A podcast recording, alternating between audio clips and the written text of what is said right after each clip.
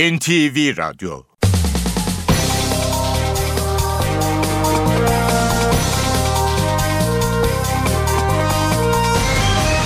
İşe Giderken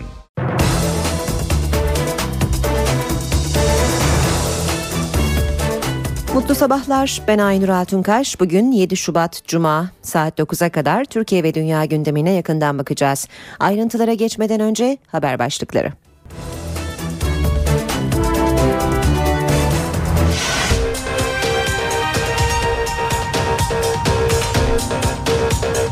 Uzun zamandır tartışılan dershanelere ilişkin düzenleme meclis başkanlığına sunulduğu tasarıyla okul müdürlerini de artık valiler atayacak.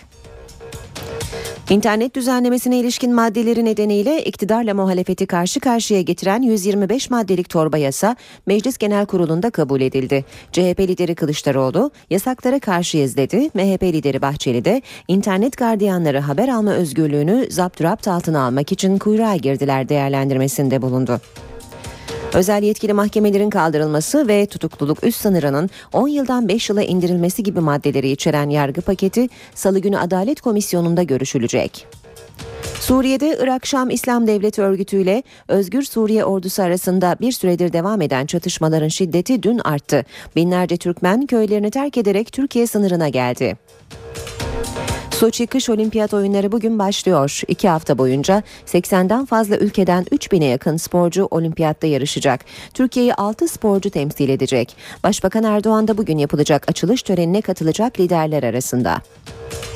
Avrupa kara kışın etkisi altında. Aşırı kar yağışı ve don özellikle İtalya, Avusturya ve Slovenya'da etkili. İngiltere'nin güneyinde ise şiddetli yağmur hayatı olumsuz etkiliyor. Geçen günlerde yaşamını yitiren Oscar ödüllü aktör Philip Seymour Hoffman için bugün cenaze töreni yapılacak. İşe giderken gazetelerin gündemi.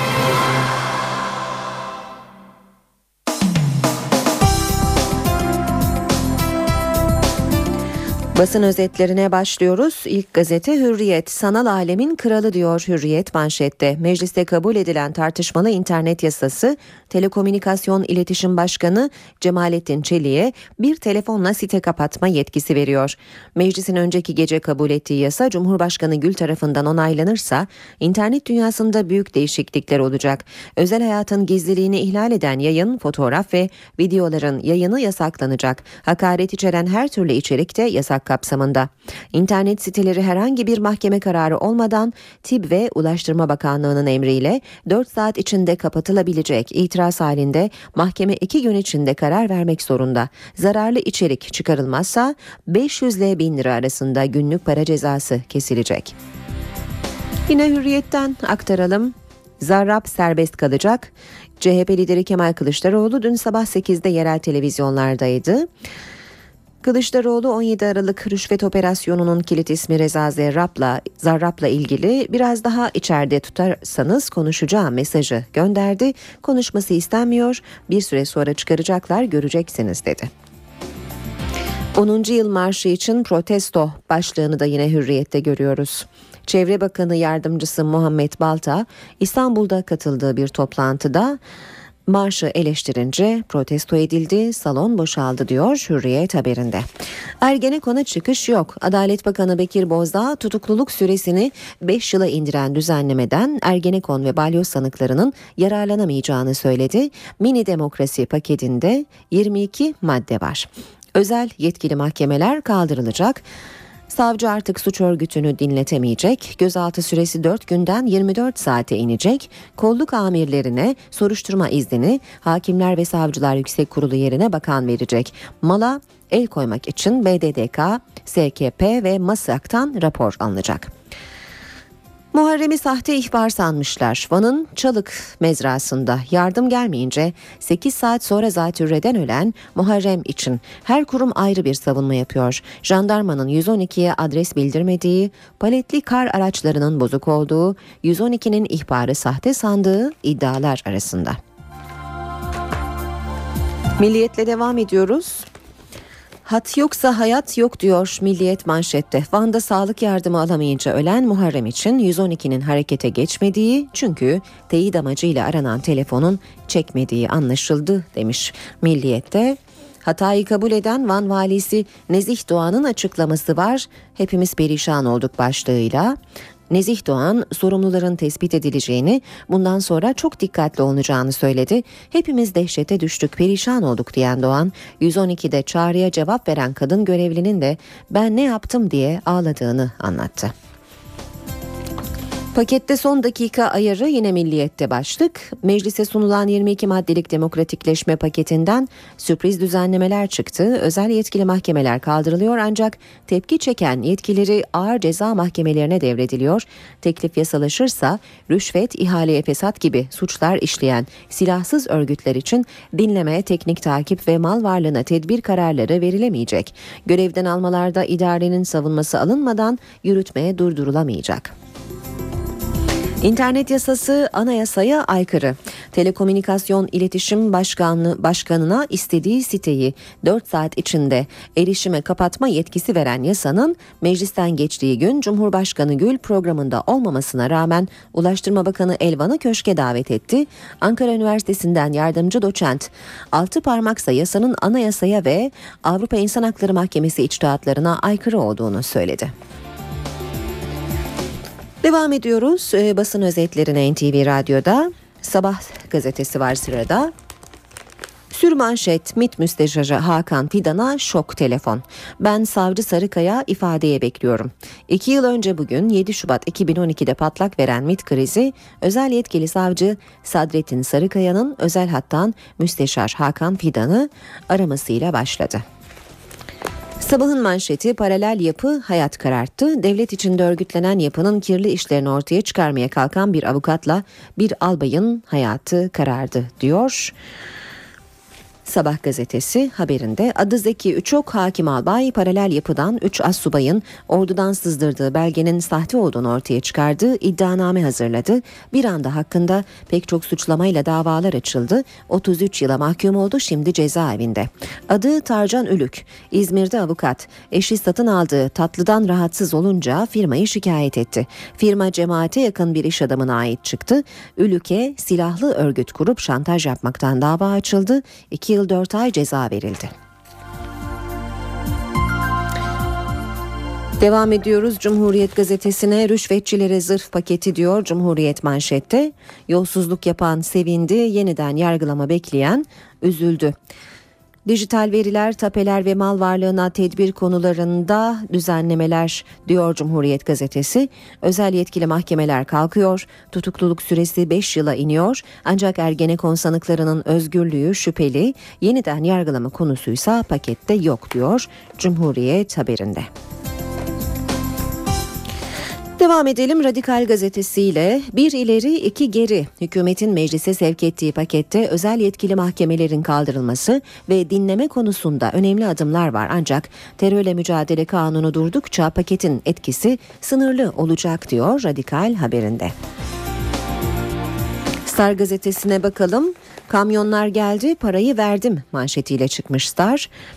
Star Sosyal Güvenlik Kurumu'ndaki paralel yapının yok dediği hayalet kamyonları buldu. Eski İstanbul Müdürü Ramazan Yıldız'ın talimatıyla ihalesiz satılan kayıt dışı 5 milyon liralık kurda kağıt ve bilgisayarı alan firmalar açıkladı. Ton başına ödeme yapıyoruz. Habertürk'le devam ediyoruz. Hakimler ve Savcılar Yüksek Kurulu'nda yarı yıl tatili diyor Habertürk manşette. Üyelerin çoğu yok, iş durdu. Kurulun 21 üyesinden 9'u tatilde, 7'si izne ayrıldı, ikisi de rapor aldı. Bu nedenle önceki gün yapılması gereken HSYK Genel Kurulu toplanamadı. Birinci daire dışında izinlerin yoğunlaştığı diğer iki dairede işlerde durdu. Bir yetkili ne olduğuna biz de karar veremedik. İki arkadaş hakkında bilgimiz var ama diğerleri için bilgimiz yok. Pazartesi günü durumu anlayacağız dedi. Türkiye'ye özgü iki inanılmaz kaza diyor Habertürk. Tır mayın tarlasına düştü. Üç kişi öldü. Mardin Nusaybin'de mandalina yüklü tır kontrolden çıkıp Suriye sınırındaki mayınlı alana devrildi. Kazada sürücü yaralandı. Eşi, gelini ve iki yaşındaki torunu öldü.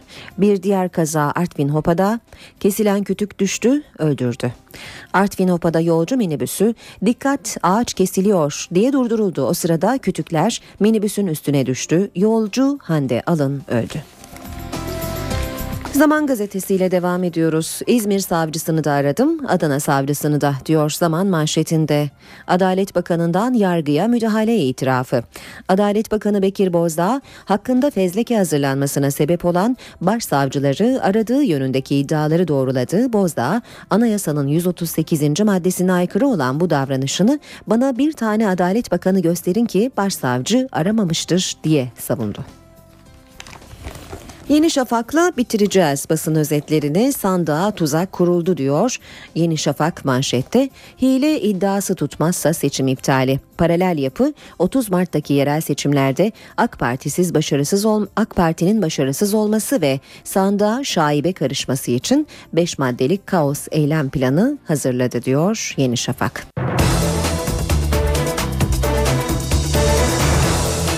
Saat 7.15 NTV Radyo'da işe giderken de şimdi gündeme yakından bakmaya başlayalım. Uzun zamandır tartışılan dershanelere ilişkin düzenleme Meclis Başkanlığı'na sunuldu. Önemli düzenlemeler içeren tasarıyla Milli Eğitim Bakanlığı'nın yönetim kadrosu değişiyor. Okul müdürlerini de artık valiler atayacak. Dershaneler Eylül 2015 itibariyle faaliyetlerini sonlandıracak. Milli Eğitim Bakanlığı'nın müsteşar hariç bütün yönetim kadrosu ve 81 İl Milli Eğitim Müdürü'nün görevlerine son verilecek. Hükümetle Gülen cemaatini karşı karşıya getiren dershanelerin dönüşümü düzenlemesini de içeren yasa tasarısı Meclis Başkanlığı'na sunuldu. Tasarı dershanelerin yanı sıra Milli Eğitim Bakanlığı'nın mevcut yönetim kadrosunun da tasfiyesini öngörüyor. Tasarıya eklenen geçici madde gereği müsteşar yardımcıları, Talim Terbiye Kurulu başkan ve üyeleri, tüm genel müdürler, grup başkanlarıyla 81 İl Milli Eğitim Müdürlerinin görevleri tasarının yasalaşmasının ardından hiçbir işleme gerek kalmaksızın sona erecek. Tasarıya göre Talim Terbiye Kurulu bakanlığın bilimsel danışma ve inceleme birimi olarak düzenlenecek. Eğitim politikalarına ilişkin yetkileri bakanlığa devredilecek. Tasarıyla ayrıca okul müdür ve müdür yardımcılarını dörder yıllık süreyle valiler atayacak. Tasarının dershanelerin dönüşümüne ilişkin bölümü de dikkat çekici. Dershanelerin faaliyetleri 1 Eylül 2015 itibariyle sona erecek. Özel okula veya açık liselere dönüşüm süreci ise 2017-2018 eğitim öğretim yılının sonuna kadar tamamlanacak. 1 Temmuz 2015'te meslekte 6 yılını dolduran dershane öğretmenleri sözlü sınavla öğretmen memur kadrosuna atanacak. Tasarıda dönüşüm sürecindeki teşviklere ilişkin ayrıntılar da var. Buna göre dönüşüm sürecinde özel ilkokul, ortaokul ve liselerde okuyan bütün öğrencilere eğitim ve öğretim desteği verilecek. Ayrıca Eylül 2015'e kadar dönüşüm taahhüdü veren dershanelere hazineye ait taşınmazları 25 yıl süreyle bedelsiz kullanma hakkı tanınacak. Meclis Başkanlığı'na sunulan tasarıyla ayrıca bir yıllık staj süresinin sonunda başarısız olan öğretmen adayları bir başka il veya ilçede bir yıl daha görevlendirilecek. İki yılın sonunda yine başarılı olamazlarsa memuriyetle ilişiği kesilecek. İnternet düzenlemesine ilişkin maddeleri nedeniyle iktidarla muhalefeti karşı karşıya getiren 125 maddelik torba yasa Meclis Genel Kurulu'nda kabul edildi. Torba yasanın neler getirdiğine de bakalım. Engelli istihdamı teşvik edilecek. Engelli çalıştıran işyerleri çevre temizlik vergisinden muaf olacak. İnternet düzenlemesinin de içinde yer aldığı 125 maddelik torba yasa mecliste kabul edilerek yasalaştı. Yasayla zihinsel ve ruhsal engelli çalışanlara yapılan ücret ödemeleri için iş yeri indirimi yapılacak. Ayrıca işsizlik sigortası işveren payı da hazine tarafından karşılanacak. Engellilerin toplu taşımayı kullanmasındaki zorluklar ortadan kaldırılacak, işitme engelliler için Türk İşaret Dili Sistemi oluşturulacak. Yasada 65 yaş ve üzeri kişiler için de düzenlemeler var.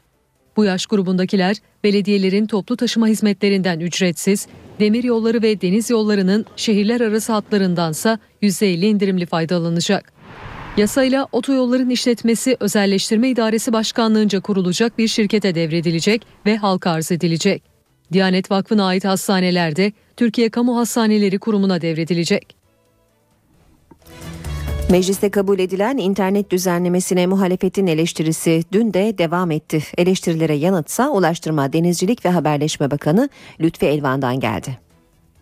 Ne internete sansür, ne e, TİB'in e, hiçbir yargı kararını dikkate almaksızın e, e, işte internet sitelerini engelleme gibi bir durum kesinlikle söz konusu değil.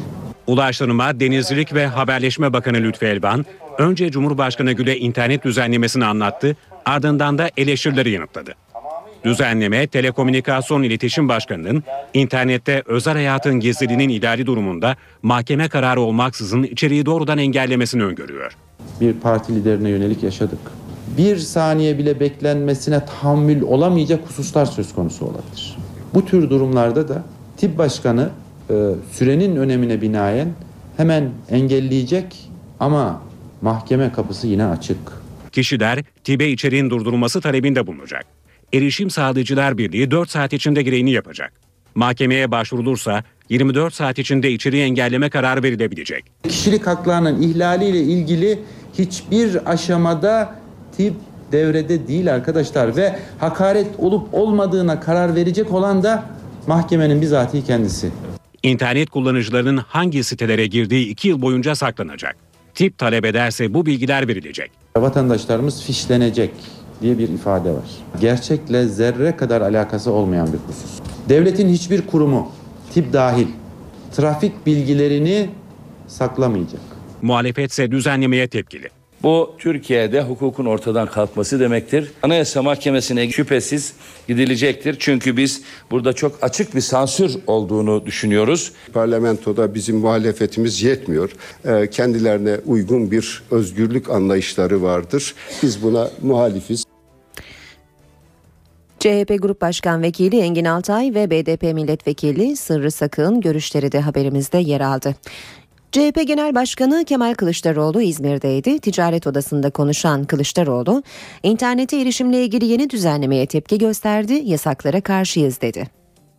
Demokrasilerde yasak olmaz değerli arkadaşlar. Yasaklarla bir yere varılmaz. İnternet yasaklarına karşıyız. CHP Genel Başkanı Kemal Kılıçdaroğlu, Telekomünikasyon İletişim Başkanlığı'na internette doğrudan erişim engelleme etkisi veren düzenlemeye tepki gösterdi. İzmir'de konuşan Kılıçdaroğlu, düşünce özgürlüğünün sınırlanmaması gerektiğini söyledi. İnsanlar özgürce düşünebilmeli, yazmalı. Bir politikacının en çok eleştiriye ihtiyacı vardır arkadaşlar. Çünkü bir politikacı eleştiriden ders çıkarmak ve hatalarını görmek zorundadır. Eleştiriye tahammül edemiyorsa zaten siyasette yerinin olmaması lazım. CHP lideri İzmir'e gidişinde çok sayıda partili tarafından karşılandı. Kılıçdaroğlu kalabalığın arasından güçlükle geçerek araca bindi. CHP lideri İzmir Ticaret Odası'ndaki konuşmasında güçler ayrılığının önemine vurgu yaptı.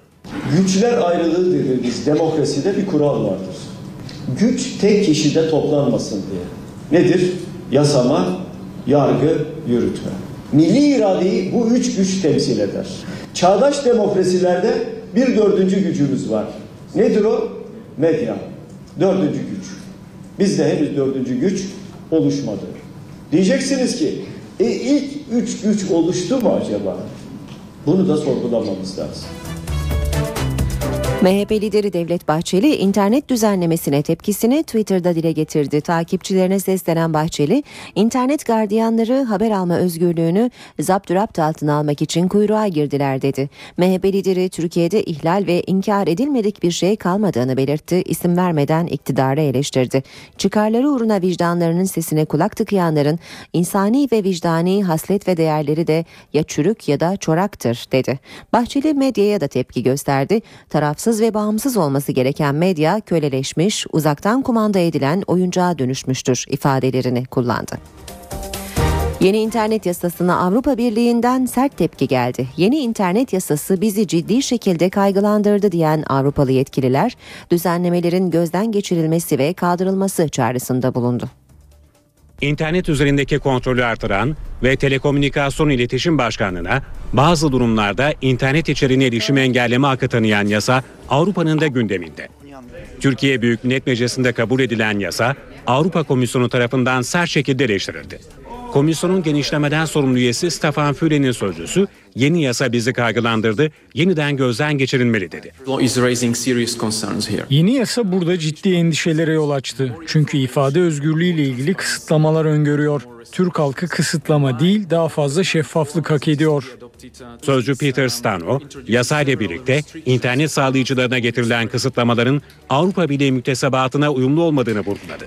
Stano, internet yasasının bir an önce gözden geçirilmesi konusunda Avrupa Birliği yetkilileriyle temasa geçilmesi çağrısı da yaptı. Avrupa İnsan Hakları Komiseri Nils Muizniek'ten de benzer bir açıklama geldi. Muiznieks, Türk hükümeti yaptığımız tavsiyelerin tam tersi yönünde bir adım attı diyerek tepkisini dile getirdi.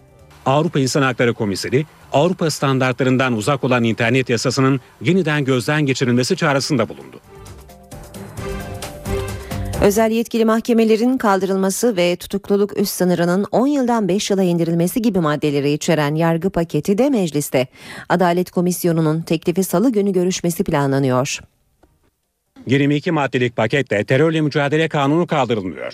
Ancak özel yetkili mahkemelerin kuruluşunu düzenleyen 10. madde tarihe karışıyor. Böylece özel yetkili mahkemeler artık hukuk sisteminde bulunmayacak. Bu mahkemelerin baktığı tüm davalar ağır ceza mahkemelerine aktarılacak. Tutukluluk süresinde üst sınırı 10 yıldan 5 yıla inecek.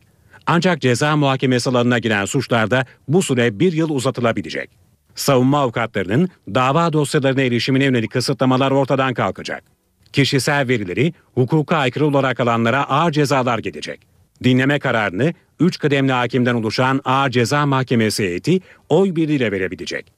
Mevcut dinleme kararlarının tümü yasa kabul edildiğinde geçersiz hale gelecek. Dinlemelerin devam edebilmesi için yeniden karar alınması gerekecek. Kimin telefonu dinleniyorsa onun ismi yer alacak. Başka isim adına dinleme kararı alınamayacak. Suçla ilgisi olmayan belge ve dinleme kayıtları yok edilecek. Mal varlığına tedbir konulması için SPK, BDDK ve MASAK'ın gelirin o suçtan elde edildiğine yönelik rapor aranacak. Tedbire tek hakimin karar vermesi yerine Ağır Ceza Mahkemesi'nde oy birliğiyle karar verilecek.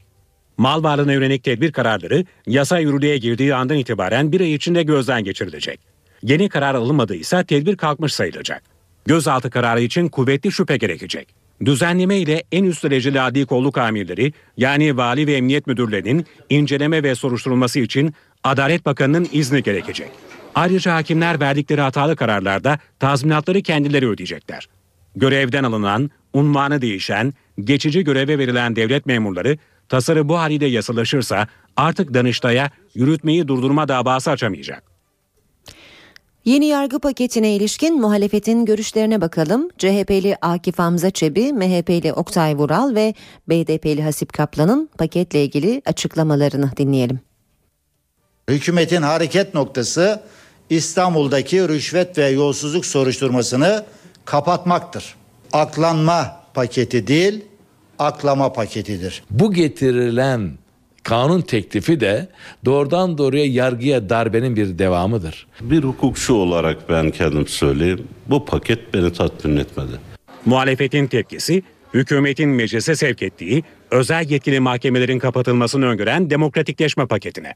CHP paketin hem Ergenekon ve balyoz davalarını kapsamamasına hem de mal varlığına tedbir konulması için getirilen yeni şartlara tepkili. Balyoz hükümlerine, Ergenekon davası hükümlerine hiçbir olumlu katkısı olmayacaktır.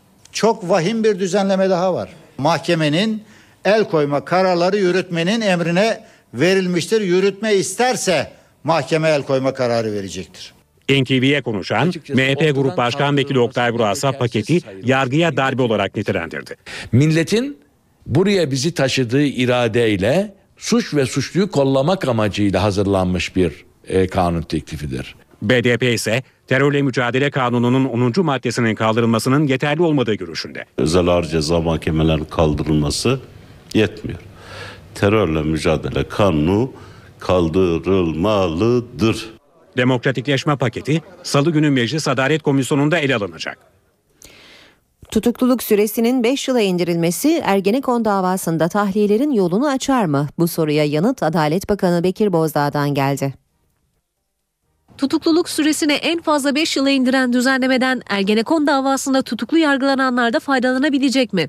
Merak edilen sorunun yanıtını Adalet Bakanı Bekir Bozdağ verdi. Ergenekon davasında tahliye olmayacak dedi. Bozdağ Anayasa Mahkemesi'nin Yargıtay'ın kararlarını hatırlattı. Bunlara göre tutukluluk süresi ilk derece mahkemesi kararına kadar olan süre temyizi kapsamıyor. Ergenekon davasında yerel mahkeme kararı verildiğinde 5 yıllık süre henüz dolmamış olduğundan düzenleme onları kapsamıyor. Bozdağ 5 yılı aşkın süredir tutuklu olan 130 kişi bulunduğunu açıkladı.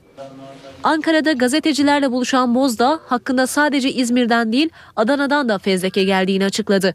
Adana'da MİT'e ait tırların durdurulması talimatını veren savcıyı aradığını, soruşturmanın gizliliği ve hukuk kuralları konusunda uyardığını söyledi. Bunun ardından savcının hakkında fezleke hazırladığını, o fezlekenin de iade edildiğini belirten Bozdağ, bana tek bir adalet bakanı gösterin ki hiçbir cumhuriyet savcısını aramamış olsun dedi.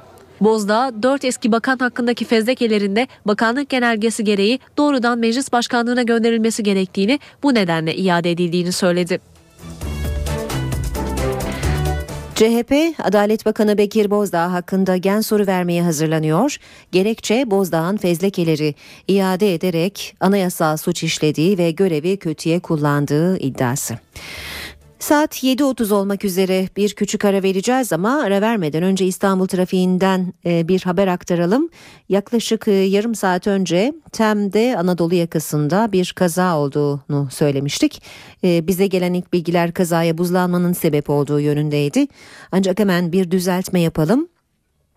Saat 5 sıralarında meydana gelen bu kazaya bir araçtan dökülen yağın sebep olduğu e, belirtildi. Bu yağ sebebiyle önce bir araç kontrolden çıkarak refüje çarptı. Ardından bir başka araç da yine kontrolünü kaybederek e, kaza yaptı. E, bu kaza sebebiyle şu anda tam otoyolunda olağanüstü bir yoğunluk yaşanıyor. Tra- e, trafik ekipleri yol çalışması yolu temizlemek için önce e, tem otoyolunu kapattılar. Şu anda da e, kontrollü olarak trafik sağlanıyor. Bu sebeple e, çok yoğun olduğunu söyleyelim ve yoğunluğunda e, Ataşehir gişeler yönünde ve Kartal Kavşak gişeler yönünde olduğunu belirtelim.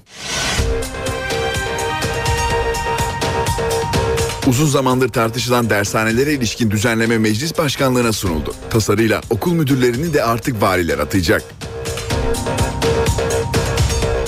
İnternet düzenlemesine ilişkin maddeleri nedeniyle iktidarla muhalefeti karşı karşıya getiren 125 maddelik torba yasa Meclis Genel Kurulu'nda kabul edildi. CHP lideri Kemal Kılıçdaroğlu yasaklara karşıyız dedi. MHP lideri Bahçeli de internet gardiyanları haber alma özgürlüğünü zapturapt altına almak için kuyruğa girdiler değerlendirmesinde bulundu. Özel yetkili mahkemelerin kaldırılması ve tutukluluk üst sınırının 10 yıldan 5 yıla indirilmesi gibi maddeleri içeren yargı paketi Salı günü Adalet Komisyonu'nda görüşülecek. Suriye'de Irak Şam İslam Devleti örgütü ile Özgür Suriye ordusu arasında bir süredir devam eden çatışmaların şiddeti dün arttı. Binlerce Türkmen köylerini terk ederek Türkiye sınırına geldi. Soçi Kış Olimpiyatları bugün başlıyor. İki hafta boyunca 80'den fazla ülkeden 3000'e yakın sporcu olimpiyatta yarışacak. Türkiye'yi 6 sporcu temsil edecek. Başbakan Recep Tayyip Erdoğan da bugün yapılacak açılış törenine katılacak liderler arasında. Avrupa kara kışın etkisi altında. Aşırı kar yağışı ve don özellikle İtalya, Avusturya ve Slovenya'da etkili. İngiltere'nin güneyinde ise şiddetli yağmur hayatı olumsuz etkiliyor. Geçen günlerde yaşamını yitiren Oscar ödüllü aktör Philip Seymour Hoffman için bugün cenaze töreni yapılacak. Ayrıntılı haberlerimize devam edelim işe giderken de Romanya'dan Türkiye'ye uyarı geldi. Adalet faslını kapatmadan Avrupa Birliği'ne üye olamazsınız. Romanya Cumhurbaşkanı Trajan Basescu Türkiye'nin açılmasını istediği adalet faslının zor bir fasıl olduğunu anlattı.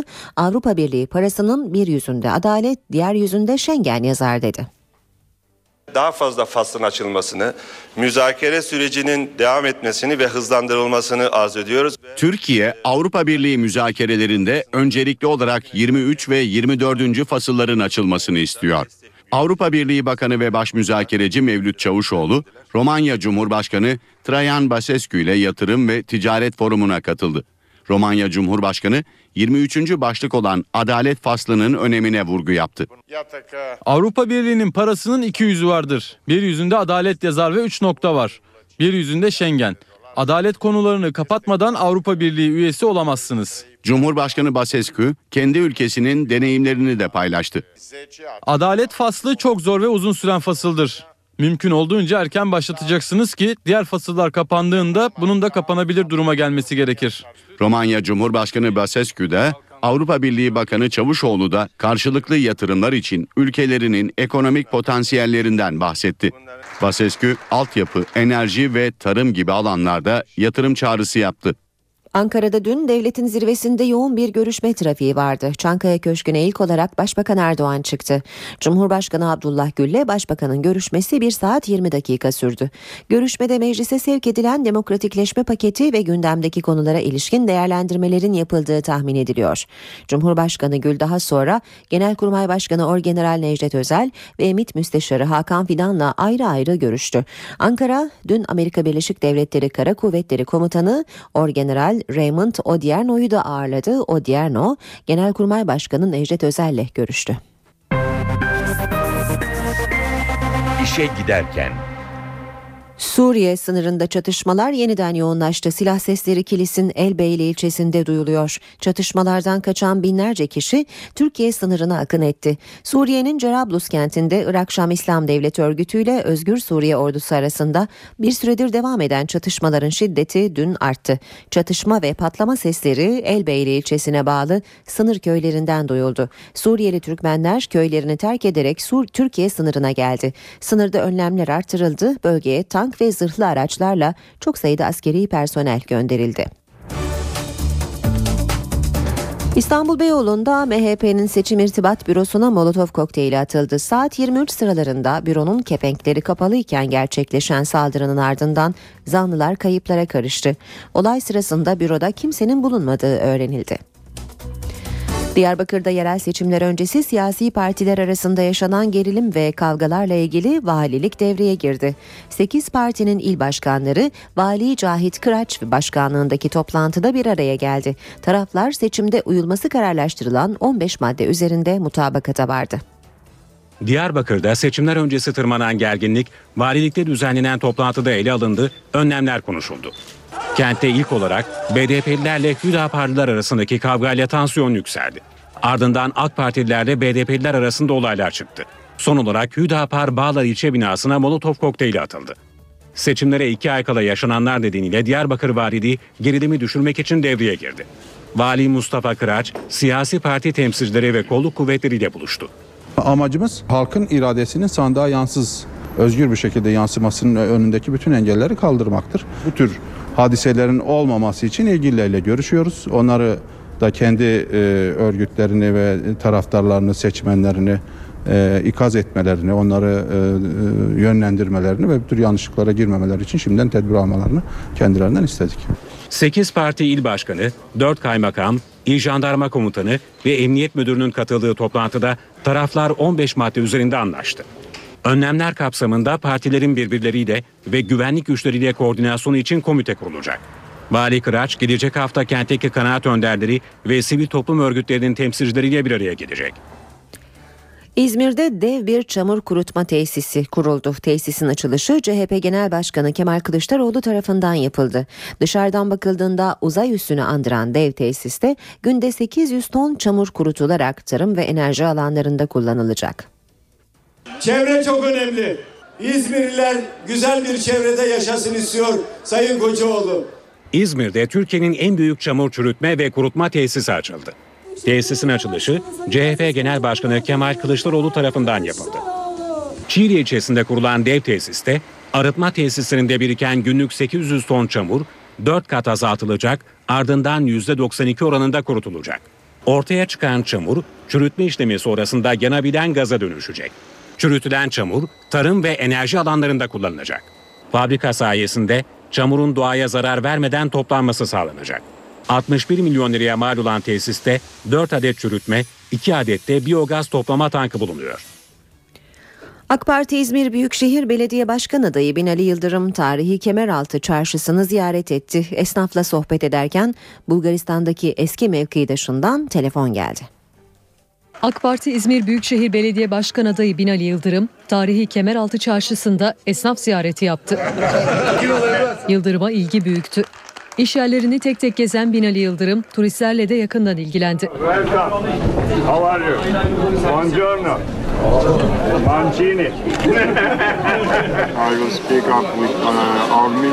Ziyareti sırasında eski Ulaştırma Bakanı Yıldırım'ı Bulgar Bakan aradı. Konu Kapıkule sınır kapısında yol geçiş belgesi nedeniyle oluşan tır kuyruğuydu. Daha önce de olmuştu. Biz müdahale edip çözmüştük. Ben de şimdi Ulaştırma Bakanı'yla görüşeceğim. Aynı zamanda Uluslararası Nakliyeciler Derneği ile görüşeceğim. Çözüm üretelim. Oğlum oylarınızı nereye vereceksiniz? Başkanımız. Vurun bakayım bir daha. Binali Yıldırım çarşıda balık ekmek yedikten sonra roman müzisyenlerle birlikte şarkı söyledi.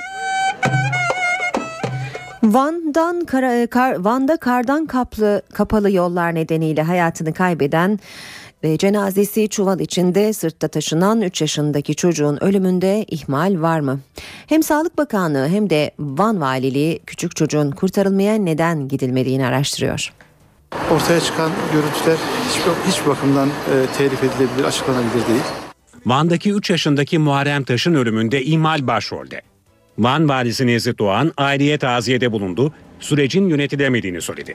Bugüne kadar tabii onlarca defa e, devletimizin imkanlarıyla, helikopterlerle, hava ambulanslarıyla, paletli ambulanslarla, bu tip vakalara e, hiçbir arıza sebebiyet vermeyecek biçimde e, müdahale etmiştik.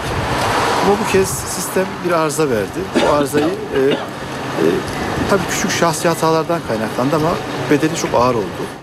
Askeri kaynakların aktardıkları da ihmal iddialarını güçlendirir nitelikte. Edinilen bilgiye göre jandarma teknik sorun ve bürokratik engellere takıldı. Buna göre jandarma karakoluna 1 Şubat Cumartesi günü 18.36'da gelen telefonla çocuğun hasta olduğu bildirildi. Jandarma 2 dakika sonra ulaştığı 112 acil servisinden paletli ambulans yok yanıtı aldı. İl özel idaresini arayan jandarmaya kar temizleme araçlarının arızalı olduğu bilgisi verildi. Son olarak aranan karayolları 111. şubedense yetki sahamız değil yanıtı geldi. 24 saati aşan süreçte hasta çocuğun bulunduğu mezraya bir türlü gidilemedi. Ve küçük çocuk hayatını kaybetti. Aile 2 Şubat pazar günü saat 21'de çocuğun cenazesini hastaneye götürmek için yola çıktı. Muharrem'in cenazesi babası ve amcasının sırtında 16 kilometre taşındı. Yürüyerek, Yürüyerek gitti yani. Saat 6 civarlarda gittim. Saat 11'de falan köye gittim. Beş buçuk falan dedi. Karakola aradım. Karakolda dedi bekleyin bekleyin geleceğiz dedi. Gece iki buçuğa kadar beş, altı, yedi saat arada geçmiş. Yani hiç kimse oraya ulaşmadı. 100. Yıl Üniversitesi'nde yapılan otopsi sonrasında hazırlanan ön rapora göre Muharrem zatürreden öldü. Kesin ölüm sebebi yaklaşık bir ay sonra netleşecek. Olayla ilgili soruşturma sürüyor. Bu arada Muharrem'in hayatına mal olan kapalı yolları temizleme çalışması başladı.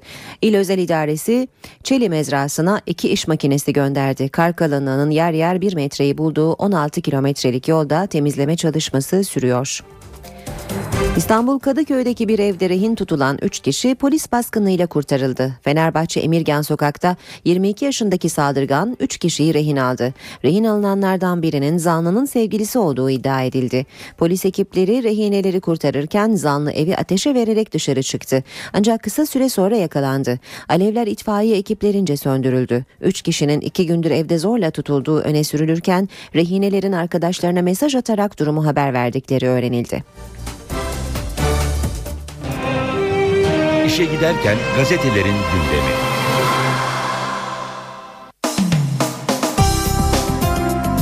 Şimdi gazetelerden spor haberleri aktaracağız. Fotomaç gazetesiyle başlayalım. Mancini terimi çok kızdıracak.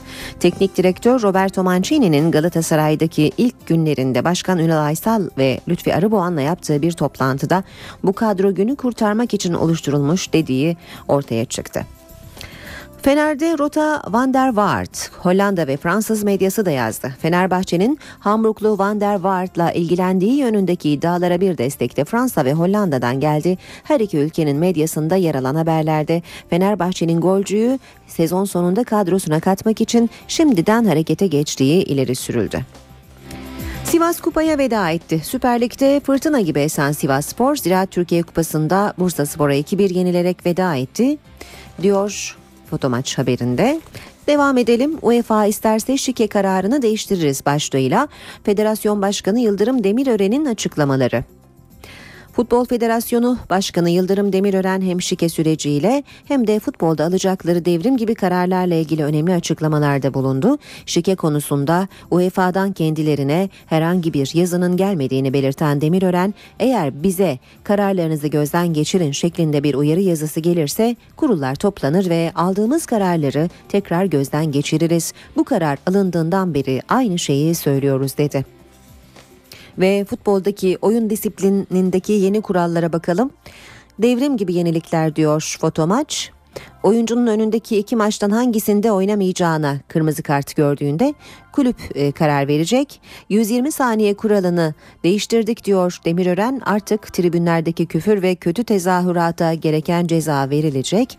Hem takımlarımızın hem de seyircinin daha çok ilgi duyacağı bir kupa statüsünü hayata geçireceğiz. Eğer 18 kulübün başkanı da biz yabancı sayısının değiştirilmesini istiyoruz derse kararımızı gözden geçiririz.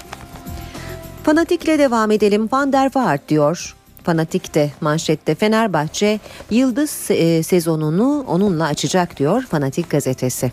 Aslan'da parola yen ve bekle. Mancini yenilerin formuyla mest olduğu kadroda yer açmaya çalışıyor.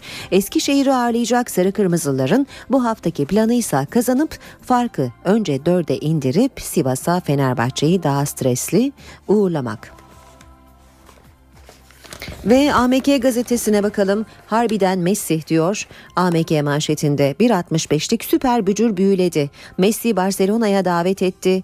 Real Madrid'e kaptanlık yaptı. Milan, Tottenham ve Genoa'da denendi. Mancini Türkiye'nin Messi'si odur dedi. Spor Toto Süper Lig'de e, haftanın maçları var. E, Gaziantep Beşiktaş e, karşılaşması Gaziantep Kamil Ocak stadında oynanacak. Maçın başlama saati e, 20. Spor haberleri aktarmaya Hürriyet gazetesiyle devam edelim. Okuyacağımız ilk başlık kalacak mı gidecek mi? Karar günü 19 Mart Galatasaray yönetimi Drogba için Chelsea ile oynanacak maçları bekliyor diyor Hürriyet gazetesi haberinde. Spor gündeminde yer alan önemli başlıklardan biri de Soçi Kış Olimpiyatları. Kar şöleni bugün düzenlenecek açılış töreniyle gala yapacak. En sıcak, en pahalı, en kalabalık diyor Hürriyet. 50 milyon dolarlık Soçi 2014'ün 2874 sporcuyla en geniş katılımlı oyunlar olarak tarihe geçeceğini yazıyor gazete. NTV Radyo Herkese yeniden günaydın. Ben Aynur Altunkaş. Gökhan Abur'la sonra son hava tahminlerini konuşacağız. Önce gündemin başlıklarını hatırlayalım. Uzun zamandır tartışılan dershanelere ilişkin düzenleme meclis başkanlığına sunuldu. Tasarıyla okul müdürlerini de artık valiler atayacak. İnternet düzenlemesine ilişkin maddeleri nedeniyle iktidarla muhalefeti karşı karşıya getiren 125 maddelik torba yasa Meclis Genel Kurulu'nda kabul edildi. CHP lideri Kemal Kılıçdaroğlu yasaklara karşıyız dedi. MHP lideri Bahçeli de internet gardiyanları haber alma özgürlüğünü zapturapt altına almak için kuyruğa girdiler değerlendirmesinde bulundu.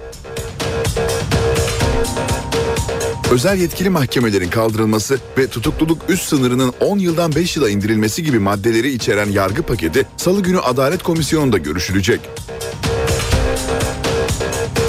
Suriye'de Irak Şam İslam Devleti örgütü ile Özgür Suriye ordusu arasında bir süredir devam eden çatışmaların şiddeti dün arttı. Binlerce Türkmen köylerini terk ederek Türkiye sınırına geldi. Soçi Kış Olimpiyatları bugün başlıyor. İki hafta boyunca 80'den fazla ülkeden 3000'e yakın sporcu olimpiyatta yarışacak. Türkiye'yi 6 sporcu temsil edecek. Başbakan Recep Tayyip Erdoğan da bugün yapılacak açılış törenine katılacak liderler arasında.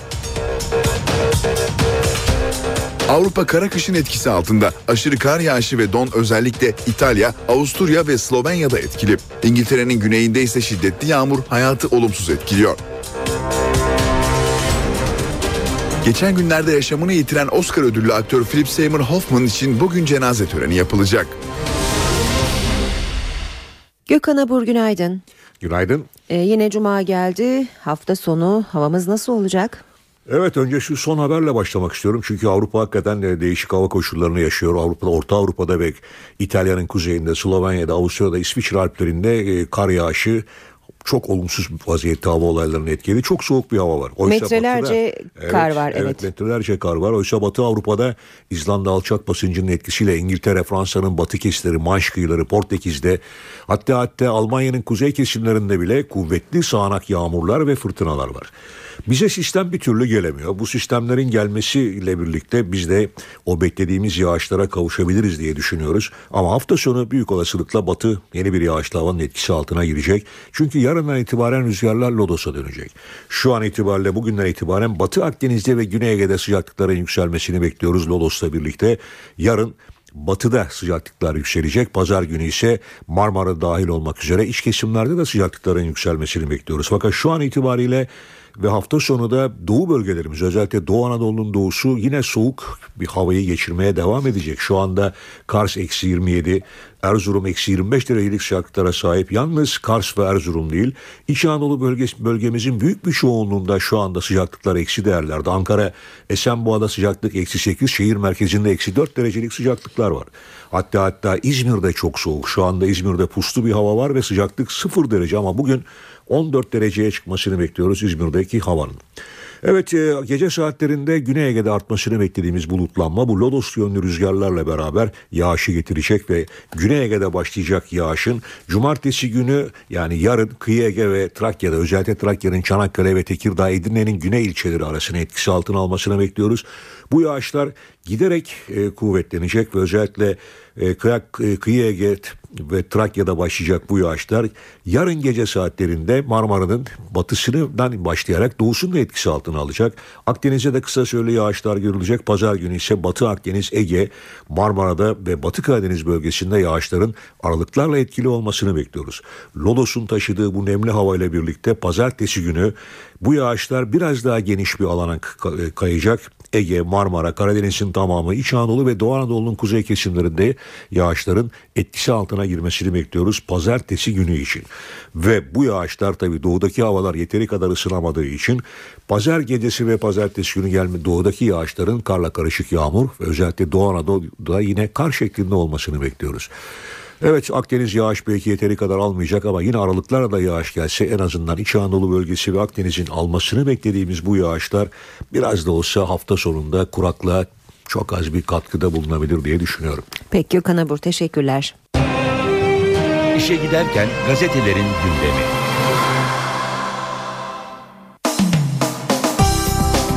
Şimdi gazetelerden manşet turuna çıkacağız. Hürriyet sanal alemin kralı diyor. Mecliste kabul edilen tartışmalı internet yasası Telekomünikasyon İletişim Başkanı Cemalettin Çelik'e bir telefonla site kapatma yetkisi veriyor.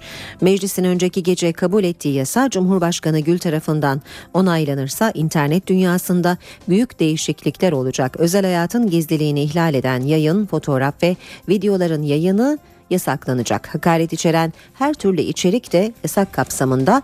İnternet siteleri herhangi bir mahkeme kararı olmadan Tip ve Ulaştırma Bakanlığı'nın emriyle 4 saat içinde kapatılabilecek diyor Hürriyet haberinde. Milliyetin manşeti ise Hat yoksa hayat yok. Van'da sağlık yardımı alamayınca ölen Muharrem için 112'nin harekete geçmediği çünkü teyit amacıyla aranan telefonun çekmediği anlaşıldı. Valinin e, Nezih Doğan'ın açıklamalarını da görüyoruz. Hepimiz perişan olduk başlığıyla.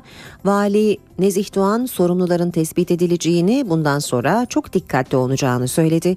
Hepimiz dehşete düştük, perişan olduk diyen Doğan 112'de çağrıya cevap veren kadın görevlinin de ben ne yaptım diye ağladığını anlattı diyor. Milliyet gazetesi haberinde. Manşet turuna devam edelim. Radikal'de bir ileri iki geri manşeti var. Hükümetin meclise sevk ettiği pakette özel yetkili mahkemelerin kaldırılması ve dinleme konusunda önemli adımlar var. Ancak terörle mücadele kanunu durdukça paketin etkisi sınırlı olacak diyor Radikal haberinde. Star gazetesi kamyonlar geldi parayı verdim manşetiyle çıkmış. Sosyal Güvenlik Kurumu'ndaki paralel yapının yok dediği hayalet kamyonlardan söz ediyor Star. Eski İstanbul Müdürü Ramazan Yıldız'ın talimatıyla ihalesiz satılan kayıt dışı 5 milyon liralık kurda kağıt ve bilgisayarı alan firmalar açıkladı. Ton başına ödeme yapıyoruz. Zaman gazetesi manşette Adalet Bakanı Bekir Bozdağ'ın açıklamalarına yer veriyor. Bozdağ'dan yargıya müdahale itirafı diyor zaman. İzmir savcısını da aradım, Adana savcısını da. Adalet Bakanı hakkında fezleke hazırlanmasına sebep olan başsavcıları aradığı yönündeki iddiaları doğruladı. Bozdağ anayasanın 138. maddesine aykırı olan bu davranışını bana bir tane Adalet Bakanı gösterin ki başsavcı aramamıştır diye savundu. Sabah gazetesiyle devam edelim. Paralel yapı hayat kararttı diyor sabah manşette. Devlet içinde örgütlenen yapının kirli işlerini ortaya çıkarmaya kalkan bir avukatla bir albayın hayatı karardı deniyor. Zeki Üçok ve Tarcan Ülük'ten söz ediyor haber. Cumhuriyet gazetesine bakalım. Rüşvetçilere zırh paketi manşetiyle çıkmış Cumhuriyet. Dijital veriler, e, tapeler ve mal varlığına tedbir konularında yolsuzluk sanıklarına yarayacak düzenlemeler diyor Cumhuriyet gazetesi. Özel yetkili mahkemeler kalkıyor, tutukluluk süresi 5 yıla iniyor. Ancak Ergenekon sanıklarının özgürlüğü şüpheli, yeniden yargılama konusuysa pakette yok. Yeni Şafak'a bakalım. Sandığa tuzak kuruldu manşetini görüyoruz. Paralel yapı 30 Mart'taki yerel seçimlerde AK Parti'nin başarısız olması ve sandığa şaibe karışması için 5 maddelik kaos eylem planı hazırladı. Seçim çalışması adı altında görevlendirilecek 100 bin kişinin manipülasyon amaçlı kullanılacağı belirtiliyor. Habertürk'le bitireceğiz basın özetlerini. Manşet Hakimler ve Savcılar Yüksek Kurulu'nda yarı yıl tatili. Kurulun 21 üyesinden 9'u tatilde, 7'si izne ayrıldı, ikisi de rapor aldı. Bu nedenle önceki gün yapılması gereken HSYK Genel Kurulu toplanamadı. Birinci daire dışında izinlerin yoğunlaştığı diğer iki dairede işlerde durdu. Bir yetkili ne olduğuna biz de karar veremedik. İki arkadaş hakkında bilgimiz var ama diğerleri için bilgimiz yok. Pazartesi günü durumu anlayacağız dedi. 8.17'yi gösteriyor saatimiz. Şimdi başkente uzanacağız. Karşımızda NTV muhabiri Miray Akta Uluç var. Miray günaydın. Günaydın Aynur.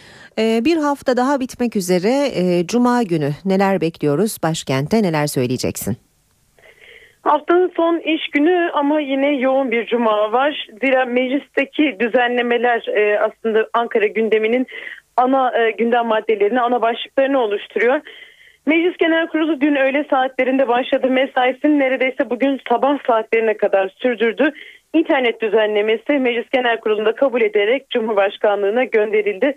Cumhurbaşkanı Abdullah Gül'den nasıl bir tavır geleceği merak konusu. Düzenleme e, muhalefetin eleştirileriyle birlikte geçmişti Meclis Genel Kurulu'ndan.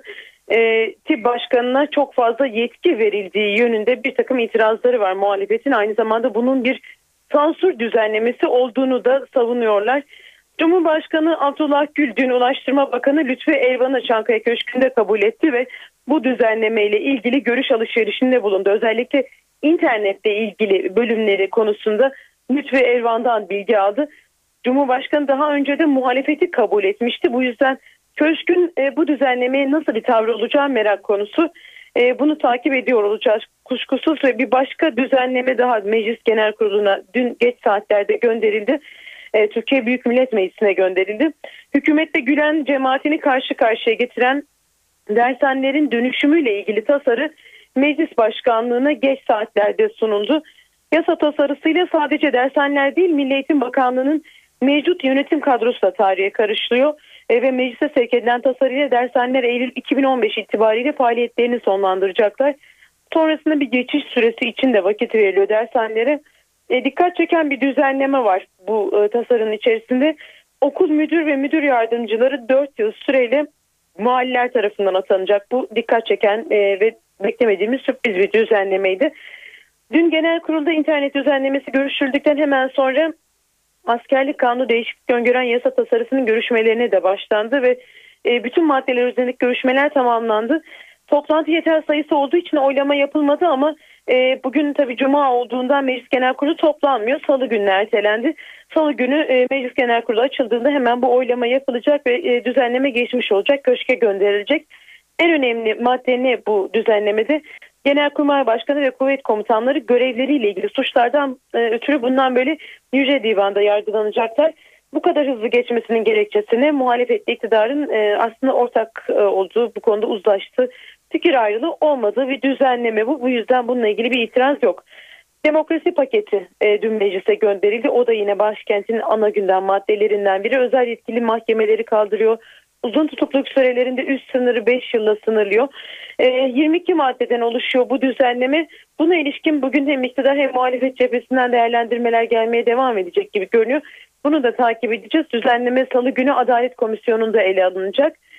Liderlerin programlarına gelince hemen onları da aktaralım. Başbakan Erdoğan şu sıralarda e, günübirlik ziyareti için Soçi'ye gidiyor. E, Rusya Devlet Başkanı Vladimir Putin'le bir görüşmesi olacak. Bu görüşmenin e, gündeminde kuşkusuz en önemli gündem maddesi Suriye. Başbakanın gitme nedeni ise 22. kış olimpiyatlarının açılış töreni. Ama Suriye konusuyla ilgili yapacağı görüşmeler biz gazetecilerin de ana gündem maddelerinden biri gibi görünüyor. CHP Genel Başkanı da İstanbul'da olacak. Onun İstanbul'da programları var. Cumhurbaşkanı Abdullah Gül de yine İstanbul'daki isimlerden biri. Bakanların programına şöyle hızlıca bakacak olursak Bilim Sanayi Teknoloji Bakanı Fikri Işık Ankara Sanayi Odası Başkanı'nı kabul ediyor. Avrupa Birliği Bakanı Mevlüt Çavuşoğlu'nun Avrupa Konseyi e, yetkilileriyle bir takım görüşmeleri var. Ve AFAD'da Birleşmiş Milletler Kalkınma Programı arasında bir işbirliği protokolü imzalanıyor. O protokolün imza töreni sırasında AFAD Başkanı Türkiye'deki Suriyeli sığınmacılara ilişkin son bilgileri paylaşacak. Rakam vermemiz gerekirse 700 bini aşmış durumda şu an için. İşte o 700 bin kişiyle ilgili son durum ne? O bilgileri de bugün AFAD Başkanı verecek. Başkent gündeminden öne çıkan başlıklar özetle bu şekilde Aynur. Teşekkürler Miray kolay gelsin. Ankara gündemini Miray Aktağ Uluş'tan aldık. Gündemde öne çıkan haberlere bakmaya devam edelim. Hükümetle Gülen cemaatini karşı karşıya getiren dershanelerin dönüşümüyle ilgili tasarı Meclis Başkanlığı'na sunuldu. Yasa tasarısıyla yalnız dershaneler değil, Milli Eğitim Bakanlığı'nın yönetim kadrosunda da değişikliğin önü açılıyor. Meclise sevk edilen tasarıyla dershaneler Eylül 2015 itibarıyla faaliyetlerini sonlandıracak. Özel okula veya açık liselere dönüşüm süreci ise 2017-18 eğitim öğretim yılının sonuna kadar tamamlanacak. Tasarının yürürlüğe girmesiyle Milli Eğitim Bakanlığı'nın müsteşar hariç bütün yönetim kadrosu ve 81 il Milli Eğitim Müdürü'nün görevleri hiçbir işleme gerek kalmaksızın sona erecek. Tasarıyla ayrıca okul müdür ve müdür yardımcılarını 4 yıllık süreyle valiler atayacak. Meclis Başkanlığı'na sunulan tasarıyla ayrıca bir yıllık staj süresinin sonunda başarısız olan öğretmen adayları bir başka il veya ilçede bir yıl daha görevlendirilecek. 2 yılın sonunda yine başarılı olamazsa memuriyette ilişiği kesilecek. İnternet düzenlemesine ilişkin maddeleri nedeniyle iktidarla muhalefeti karşı karşıya getiren 125 maddelik torba yasa Meclis Genel Kurulu'nda kabul edildi. Peki torba yasada başka neler var? Hemen bakalım. Kabul edilen yasayla engellilerin taşınmasında kullanılan yüksek tavanlı araçlar için de ÖTV indirimi yapılacak. İş ilişkisinde eşit davranma ilkesi kapsamında engellilik nedeniyle ayrım yapılamayacak. Doğrudan ve dolaylı ayrımcılık dahil olmak üzere engelli engelliliğe dayalı her türlü ayrımcılık yasak olacak. 65 yaş ve üzeri kişiler belediyelerin sağladığı şehir içi toplu taşıma hizmetlerinden ücretsiz, demir yolları ve deniz yollarının şehirler arası hatlarındansa %50 indirimli faydalanacak. Yasayla otoyolların işletmesi Özelleştirme İdaresi Başkanlığı altında kurulacak. Bir şirkete devredilecek ve halka arz edilecek torba yasa internet düzenlemesini de içinde barındırıyor. Mecliste kabul edilen internet düzenlemesine muhalefetin eleştirisi devam ederken bu eleştirilere yanıt Ulaştırma Denizcilik ve Haberleşme Bakanı Lütfi Elvan'dan geldi. Ne internete sansür ne e, TİB'in e, hiçbir yargı kararını dikkate almaksızın e, e, işte internet sitelerini engelleme gibi bir durum kesinlikle söz konusu değil. Ulaştırma, Denizcilik ve Haberleşme Bakanı Lütfi Elvan, önce Cumhurbaşkanı Gül'e internet düzenlemesini anlattı, ardından da eleştirileri yanıtladı. Düzenleme, Telekomünikasyon İletişim Başkanı'nın internette özel hayatın gizliliğinin idari durumunda mahkeme kararı olmaksızın içeriği doğrudan engellemesini öngörüyor. Bir parti liderine yönelik yaşadık. Bir saniye bile beklenmesine tahammül olamayacak hususlar söz konusu olabilir. Bu tür durumlarda da tip başkanı e, sürenin önemine binaen hemen engelleyecek ama mahkeme kapısı yine açık. Kişiler TİB'e içeriğin durdurulması talebinde bulunacak. Erişim Sağlayıcılar Birliği 4 saat içinde gereğini yapacak. Mahkemeye başvurulursa 24 saat içinde içeriği engelleme kararı verilebilecek. Kişilik haklarının ihlaliyle ilgili hiçbir aşamada tip devrede değil arkadaşlar ve hakaret olup olmadığına karar verecek olan da mahkemenin bizatihi kendisi. İnternet kullanıcılarının hangi sitelere girdiği 2 yıl boyunca saklanacak. Tip talep ederse bu bilgiler verilecek. Vatandaşlarımız fişlenecek diye bir ifade var. Gerçekle zerre kadar alakası olmayan bir husus. Devletin hiçbir kurumu, tip dahil, trafik bilgilerini saklamayacak. Muhalefet ise düzenlemeye tepkili. Bu Türkiye'de hukukun ortadan kalkması demektir. Anayasa Mahkemesi'ne şüphesiz gidilecektir. Çünkü biz burada çok açık bir sansür olduğunu düşünüyoruz. Parlamentoda bizim muhalefetimiz yetmiyor. Ee, kendilerine uygun bir özgürlük anlayışları vardır. Biz buna muhalifiz. NTV Radyo 28 Mayıs'tan itibaren maketten konut satış dönemi bitiyor. Konut teslimi de 36 ayı geçemeyecek. Tüketicinin korunması kanununda konut satışı ile ilgili yapılacak değişikliklere şimdi yakından bakacağız. Korhan Varol, inşaat firma sahipleri ve emlakçıların görüşlerini aldı. Yeni düzenleme ile birlikte maketten satış tarihi olacak. Daha doğrusu ruhsatı olmayan firmaların maketlerine itibar edilmeyecek. Maketten satış e, de, derken e, işte ruhsat alınmış devam ediyor ama maket orada orada satış değil. Yani ruhsat alınmayan bir e, ürünün satışı yasaklandı bakanlık tarafında. Bu çok iyi oldu. Biz bunu çok istiyorduk zaten. Ayrıca sözleşme imzaladıktan sonra vatandaşa vazgeçme hakkı da geliyor. Konut edinecek kişileri 14 günlük ön cayma akti denilen bir ön akit getiriliyor ve konutlara da üretim aşamasında belli sınırlama getiriliyor. Yani 36 ay gibi bir sürede konutlar teslim edilecek. Yani konutlar 3 yıl içinde hem yapılacak hem de tapuları hak sahiplerine teslim edilecek. Amaç tüketicinin mağdur olmaması. Yeni kanun köklü inşaat firmaları tarafından da memnuniyetle karşılandı. 30 senelik bir firmayız. 30 senedir hiçbir vatandaşımızı üzmedik. Ama vatandaş konut tüketicileri üzüldüğü zaman bunun sıkıntılarını biz de yaşıyoruz. O yüzden bu kanun iyi oldu. İnşallah bundan sonra e, ki dönemde bunların altı da iyi doldurularak vatandaşlar için daha faydalı şeyler olacağına inanıyorum. Ayrıca satış sözleşmeleri artık noter huzurunda yapılacak. Vatandaşların iadesinde sıkıntı yaşadığı ürünlerin başında gıda geliyor. Kimi zaman ünlü isimler de aldıkları bir ürünü iade etmekte güçlük çekiyor. Tüketicilerin şikayet ettikleri ürünler arasında gıda önemli bir yer tutuyor. Kimi zaman ünlüler de aldıkları bir ürünü iade etmekte sorun yaşayabiliyor. Ayşegül Adinç de onlardan biri. Bir şey almıştım böyle bir füme balık gibi bir şey. A- attım dayanılır gibi bir şey değildi. Yani e, eğer e, onunla bakkala kadar gitseniz bütün mahalle bir koku halesi arkanızda. E, söyledim böyle böyle diye E, yani getir getirmeniz lazımdı değiştirmem için dedi bana. Ve oyuncu Erdal Özyağcılar'la Güzin Özyağcılar. Ya çok e, seçiciyim ya ne bileyim böyle yani e, sonradan tüketici olarak mağdur olacağım bir durum olduğu zaman önlemimi alıyorum herhalde. Yani o doğru yerlerden alışveriş ediyorum gibi geliyor. Bilinçli tüketici misiniz? Dikkat eder misiniz bir şey Tabii yani o alırken? fat- faturaları muhakkak alırım. Eğer marketlerden falan alışveriş yapıyorsam muhakkak son kullanma tarihine bakarım. Gıdalarla ilgili sorun yaşayanlar Gıda Tarım ve Hayvancılık Bakanlığı'nın 174 numaralı hattına şikayetlerini iletebiliyor. Ayrıca her şehirdeki il tarım müdürlüklerine bozuk ürünleri gönderip ücretsiz tahlil ettirme imkanı var. Eğer bir ürün zararlı madde içeriyorsa o malın toplatılması da mümkün. İşe giderken Kısa bir ara vermeden önce piyasalara bakalım. BIST 100 endeksi dün %3,37 oranında değer kazanarak 64.549 puandan kapandı. Bu sabah dolar 2 lira 20 kuruş, euro 3 liradan satılıyor. Euro dolar 1.36, dolar yen 102 seviyesinde.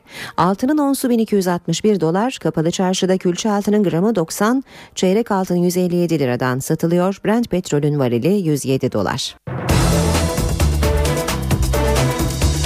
Gündemde öne çıkan gelişmelere bakmaya devam edelim. İstanbul Tuzla'da yılda 25 milyon kişinin ziyaret etmesi beklenen dev bir marina kurulması planlanıyor. Açıklama İstanbul Büyükşehir Belediye Başkanı Kadir Topbaş'tan geldi. Topbaş, Tuzla'ya iki ayrı metro hattı ulaştırılacağını da söyledi. Yılda 25 milyon kişi ziyaret edecek. 2500 kişinin çalışacağı 188 bin metrekarelik tesiste plaj, havuz, sergi ve toplantı salonları olacak.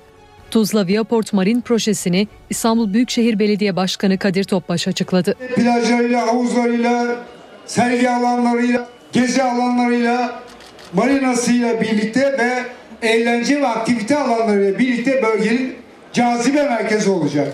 Yani Asya yakası hatta Avrupa yakasından İstanbul'dan buraya görmeye, bundan istifade etmeye metrolar vasıtasıyla gelecekler. 570 milyon liraya mal olacak marinanın 750 yat kapasiteli olması bekleniyor. Kadir Topbaş ayrıca Tuzla'ya iki ayrı hattan metro ulaşımının sağlanacağını belirtti. Topbaş, metro ile Marmaray ve Sabiha Gökçen'e ulaşımın sağlanması için de projelerin hazır olduğunu söyledi. Dünyanın en büyük elektrik şirketlerinden General Electric Türkiye'de genç mucitler için bir yarışma düzenledi. Bin proje yarıştı. Toplam 100 bin dolar ödül dağıtıldı. Akıllı küvöz, hayat kurtaran tişört, enerjide güç kaybını önleyen yeni sistem. Tam bin proje yarıştı, aralarından en iyileri seçildi. General Electric'in TÜBİTAK işbirliğiyle düzenlediği Türkiye İnovasyon Yarışması'nda en iyi projeler belli oldu. Amacımız e, kalp krizini önlenebilir bir hastalık haline getirebilmek ve kalp krizi başlamadan önce kalbin bize vermiş olduğu sinyalleri bir saat öncesinden algılayıp bununla ilgili gerekli olan aksiyonları insanların başına bir şey gelmeden yakalayabilmek. Çocuk ölümlerini engellemek için yapay zeka tabanlı bir akıllı küvöz tasarımı projesiyle katıldım ve ikincilik ödülünü kazandım. Genç girişimciler desteğin önemine dikkat çekti. Kolay yönleri de var, zor yönleri de var. Sonuçta Türkiye'de çok büyük potansiyel var. Aldığımız eğitimler e, bu potansiyeli çok güzel bir şekilde ortaya çıkarabilir. Sadece teşvik edilmemiz gerekiyor. İnovasyon açısından biz Türkiye'yi yetenekleri ve üniversitelerinin kalitesiyle oldukça cazibeli buluyoruz. Ancak Türkiye'nin bu özellikleri etkin kullanmak için tek ihtiyacı katalizör. O nedenle biz de bu yarışma için Türkiye'yi seçtik. Peki projeler nasıl hayata geçecek? En önemli şey bu fikirlerin e, bir yerde gömülü kalmaması. Bunların e, kullanılabilir, üretilebilir ve insana dokunabilir hale getirilmesiydi. Biz bunu duyurmak, az da olsa küçük bir şekilde ödüllendirmek ile buna başladık. Doğuş Çocuk Senfoni Orkestrası yılın ilk konserini bugün Şanlıurfa'da verecek. Konserde klasik eserler ve türkülerden oluşan özel bir repertuar olacak. Doğuş Çocuk Senfoni Orkestrası konserlere hazırlanıyor. 2006 yılında Doğuş grubu bünyesinde kurulan orkestrada Türkiye'nin çeşitli konservatuarlarından 11-18 yaş arası öğrenciler var. Çocuklar bugün Şanlıurfa'da, yarın da Gaziantep'te konser verecek. Artık son provalar yapılıyor. Doğuş Çocuk Senfoni Orkestrası ile yaptığım çalışmalara çok ayrı bir önem veriyorum. Çünkü ülkemizin geleceğinin e, çocuklarımızda olduğuna yürekten inanıyorum. Hacettepe Üniversitesi'nde okuyorum ve e, 5-6 gündür e, bu, burada prova yapıyoruz. Şanlıurfa'ya geldik. Ücretsiz verilecek konserlerde aryalar, senfonik türküler ve klasik eserlerden oluşan özel bir repertuar olacak. Şefliğini ve genel müzik direktörlüğünü Rengim Gökmen'in üstlendiği orkestra, ünlü solistler Şenol Talınlı, Ayhan Uçtuk ve Aykut Çınar'ın 3 tenör olarak bilinen grubuna da eşlik edecek. NTV Radyo Dünyanın gündeminden haberlerimiz var şimdi. Amerika Dışişleri Bakan Yardımcısı Victoria Nuland'ın yaptığı bir telefon görüşmesi internete sızdı. Nuland'ın söz konusu görüşmede Avrupa Birliği'ne alenen küfretmesi ise Amerika Dışişleri'ni mahcup etti. Amerikalı kadın diplomatın ettiği küfür Beyaz Sarayı zor durumda bıraktı. Amerika Birleşik Devletleri Dışişleri Bakan Yardımcısı Victoria Nuland'ın Ukraynalı muhaliflerle yürüttüğü görüşme sonrası yaptığı bir telefon konuşması internete sızdı. Nuland'ın Amerika Birleşik Devletleri'nin Ukrayna Büyükelçisi Jeffrey Piat'la yaptığı görüşmede Avrupa Birliği için ettiği küfür net bir şekilde duyuluyor. Görüşmenin video paylaşım sitesi YouTube'a sızmasının ardından ilk açıklama Amerikan Dışişleri Bakanlığı'ndan geldi. Sözcü Yen Psaki, sızıntıyı Rus hükümetinin siyasi simsarlığı olarak niteledi ve Victoria Nuland'ın muhataplarından özür dilediğini söyledi. Dışişleri Bakan Yardımcımız Victoria Nuland özellikle Ukrayna konusunda Avrupa Birliği Dış İlişkiler Yüksek Komiseri Catherine Ashton'la yakın temas halinde. Kendisinden özür dilediğini de belirtmek isterim. Beyaz Saray sözcüsü Jay Carney ise kaydı ilk olarak Rus hükümet yetkililerinin fark etmesine dikkat çekti. Carney, dinlemeyi kimin yaptığı belirsiz ancak Twitter'da ilk paylaşanın Rus mevkidaşlarımız olduğunu biliyoruz dedi. İran Cumhurbaşkanı Hasan Ruhani'nin devlet televizyonundaki söyleşisi gergin geçti. Batılı ülkelerle yakınlaşma politikası nedeniyle muhafazakarların eleştiri oklarına hedef olan reformcu Cumhurbaşkanı yayının geç başlamasına tepki gösterdi. Seyircilerimiz beklemekten sıkıldı diyen Ruhani söyleşi sırasında batılı ülkelerle yapılan anlaşmayı savundu. İran Cumhurbaşkanı Hasan Ruhani devlet televizyonunun canlı yayın konuydu. İran'ın reformcu lideriyle yapılan söyleşi gergin bir ortamda geçti. Yayının gecikmeli başlaması ve kendisine soru soracak olan gazetecilerin seçimi Ruhani'yi kızdırdı. Belirlenen saatte yayın başlamayınca Cumhurbaşkanı Ruhani çareyi Twitter'a mesaj yazmakta buldu. Hasan Ruhani mesajında dini lider Ali Ayetullah Hamane'ye yakınıyla bilinen devlet televizyonunu halka seslenmesine engel olmakla suçladı. Washington'da yakınlaşma politikası nedeniyle muhafazakarların eleştiri oklarının hedefi olan Hasan Ruhani canlı yayında da tepkisini ortaya koydu. Ruhani yayına geç başladık. Seyircilerimiz beklemekten sıkılmış olabilirler dedi. Gergin başlayan söyleşide İran Cumhurbaşkanı muhafazakarların tepkisine rağmen batılı ülkelerle varılan nükleer anlaşmayı savundu. Komşularla iyi ilişkilere sahip olmak en önemli prensiplerimizden biri. Bu bizim için önemli bir öncelik. Dünyadaki diğer güçlerle de iyi ilişkilere sahip olmak dış politikada önceliklerimiz arasında. Hasan Ruhani, Rıza Sarraf'ın İran'daki ortağı olduğu söylenen Babek Zencani ile ilgili soruları da yanıtladı. Ruhani, neden bu kadar yüklü miktarda petrol ve para bir kişiye verildi? Anlamakta zorluk çekiyorum. Rakam çok büyük. Yaklaşık ülkenin bir aylık tüm geliriyle eşit açıklamasında bulundu. Avrupa kara kışın etkisi altında aşırı kar yağışı ve don özellikle İtalya, Avusturya ve Slovenya üçgeninde etkili oldu. İngiltere'nin güneyinde ise şiddetli yağmur hayatı olumsuz etkiledi. Orta Avrupa yoğun kar yağışı ve aşırı soğuklarla mücadele ediyor. İtalya'nın kuzeyindeki bazı kasaba ve kentlerde kar kalınlığı metrelerle ifade ediliyor. Özellikle Campodolcino kasabasında yollar ve hatta evlerin giriş kapıları kapandı. İtalya'nın kuzeyindeki Avusturya'da da durum farksız. Dağ evlerinin çatılarında biriken kar çökme tehlikesi yaratınca ordu devreye girdi. Helikopter rotorunun yarattığı bastırma kuvvetiyle ağaçlarda biriken karların düşmesini sağlıyoruz. Yoksa ağaçlar devrilip yolları kapatabiliyor. Evlerin çatılarında biriken kar içinde yerel halka yardım ediyoruz. Avusturya ve İtalya'nın sınır komşusu Slovenya ise kar yağışının yanı sıra aşırı donla mücadele ediyor. Ağaçları avizelere benzeyecek şekilde kaplayan yoğun buz tabakası elektrik hatlarında da arızalara neden oldu. İtfaiye ekipleri yayalar ve araçlar için tehlike arz eden buz sarkıtlarını temizlemek için gün boyunca çalıştı. Operasyonlara ordu birlikleri de destek verdi. İngiltere'de ise şiddetli yağış ve su baskınları hayatı zorlaştırıyor. Dorset kentinde deniz kıyısından geçen demiryolu aralıksız yağmur ve dalgalara dayanamayarak çöktü. Meteoroloji uzmanları ülkenin güneyinde aşırı yağışların bugün de devam etmesini bekliyor. Soçi Kış Olimpiyat Oyunları bugün başlıyor. İki hafta boyunca 80'den fazla ülkeden 3000'e yakın sporcu olimpiyatta yarışacak. Türkiye'yi 6 sporcu temsil edecek. Başbakan Erdoğan da bugün yapılacak açılış törenine katılacak liderler arasında. 22. Kış Olimpiyat Oyunları'nın başlamasına artık saatler var. Sporun bu en önemli organizasyonlarından birinde 87 ülkeden 2874 sporcu madalya için yarışacak. Oyunlara 16. kez katılan Türkiye'yi ise olimpiyatta 3 dalda 6 sporcu temsil edecek.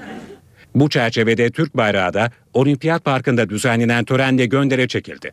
Törende bir sürpriz de yaşandı.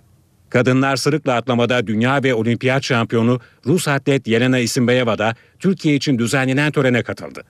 Açılış törenine Başbakan Recep Tayyip Erdoğan'ın da aralarında bulunduğu çok sayıda devlet ve hükümet başkanının katılması bekleniyor.